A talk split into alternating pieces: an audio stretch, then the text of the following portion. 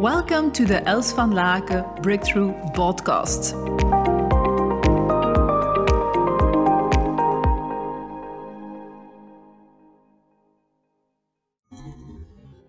I was just talking to my copywriter Hanneke, and she gave me, without knowing, an uh, amazing inspiration to do this podcast today. It's all about how you're taking things for granted and why you should not be doing that. So she said to me, You know, Els, you have to co- take a look back and everything that you think that are like, you know, normal and something that you already think it's just basic start talking about these things in your podcast, she said. And then I was just realizing her words into my head when I'm driving uh, back home, and I was realizing how many times I hear it from our clients that their own superpowers, they take them for granted. And I was thinking, yeah, that's exactly something that I always tell them, and then they say, aha, yeah, that's true. And I take this for granted that everyone knows. So, as I uh, promised my copywriter I was not going to do that anymore, I want to share these insights with you. So, let's give some more clarification. When you have certain talents, lots of us who are overachievers and lots of the people who follow us are overachievers because they are like us, they want to play big and they want to be ambitious and, and achieve things in life. And then when you are an overachiever, you take many things for granted. You think, you know, for example, someone says to you, you are a great listener. Say, yeah, that's normal. It's part of my job. It's part of, of who I am. It's just very normal. When people would tell you even more, you know, you can listen in a non judging way. I can just feel directly at ease when I'm with you okay, yeah, great. That's also just part of my job. I'm a coach, for example, or I'm a I'm a teacher, or I am a consultant. So it's my job to listen to you, non-judging in a non-judging ways. So you take these things for granted. No, the way you are listening is unique. The way you then uh, grab your own superpowers are unique. And if you take them for granted, you do not appreciate yourself for what is, for your talents, for your superpowers. And then you just take them for granted and think everyone has them. Well, it's not true. Not everyone has your superpowers. So, what if? Just imagine, what if? If we would start, and if you would start appreciating yourself for the superpowers you have within, instead of taking them for granted, instead of thinking it's normal, Instead of thinking it's normal for your job, it's normal for human beings to be like that. One of the elements that, pe- that people are bringing back, for example, for the Breakthrough Academy, is that we are so non judging in the way how we coach.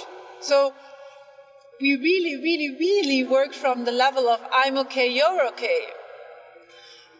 And in a very adult communication, whatever you think or feel or your needs are or things that you have encountered in the past are okay. It has made you who you are today.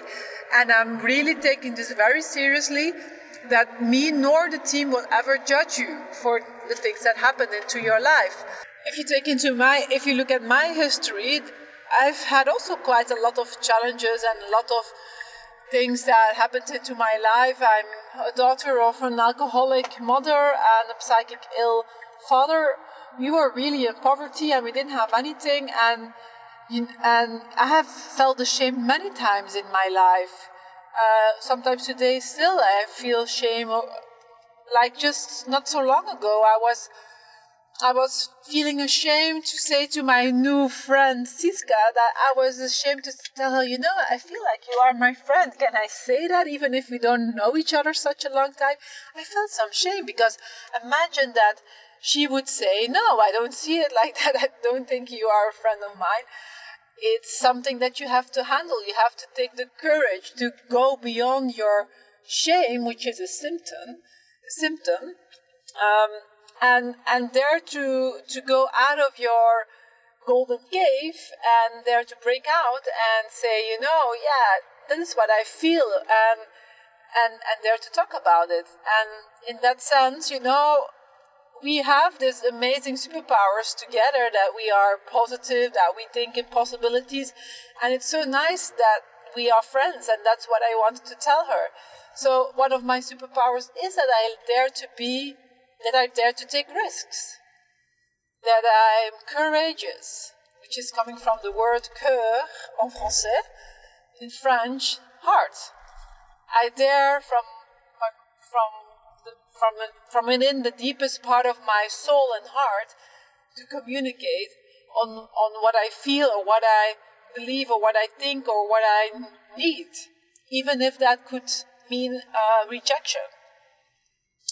So I'm very curious, you know, what are your superpowers and that you are maybe taking them for granted and taking that, making them, you know, like common goods or something which is normal, which is, which they are not.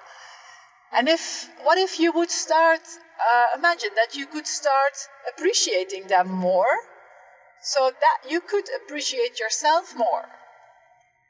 In Dutch eh, we say zelfwaarderen, zelfwaardering. So imagine that would happen. So let's first make a list of, let, just start with one superpower that you are making, maybe taking for granted, and what if you wouldn't take it for granted anymore?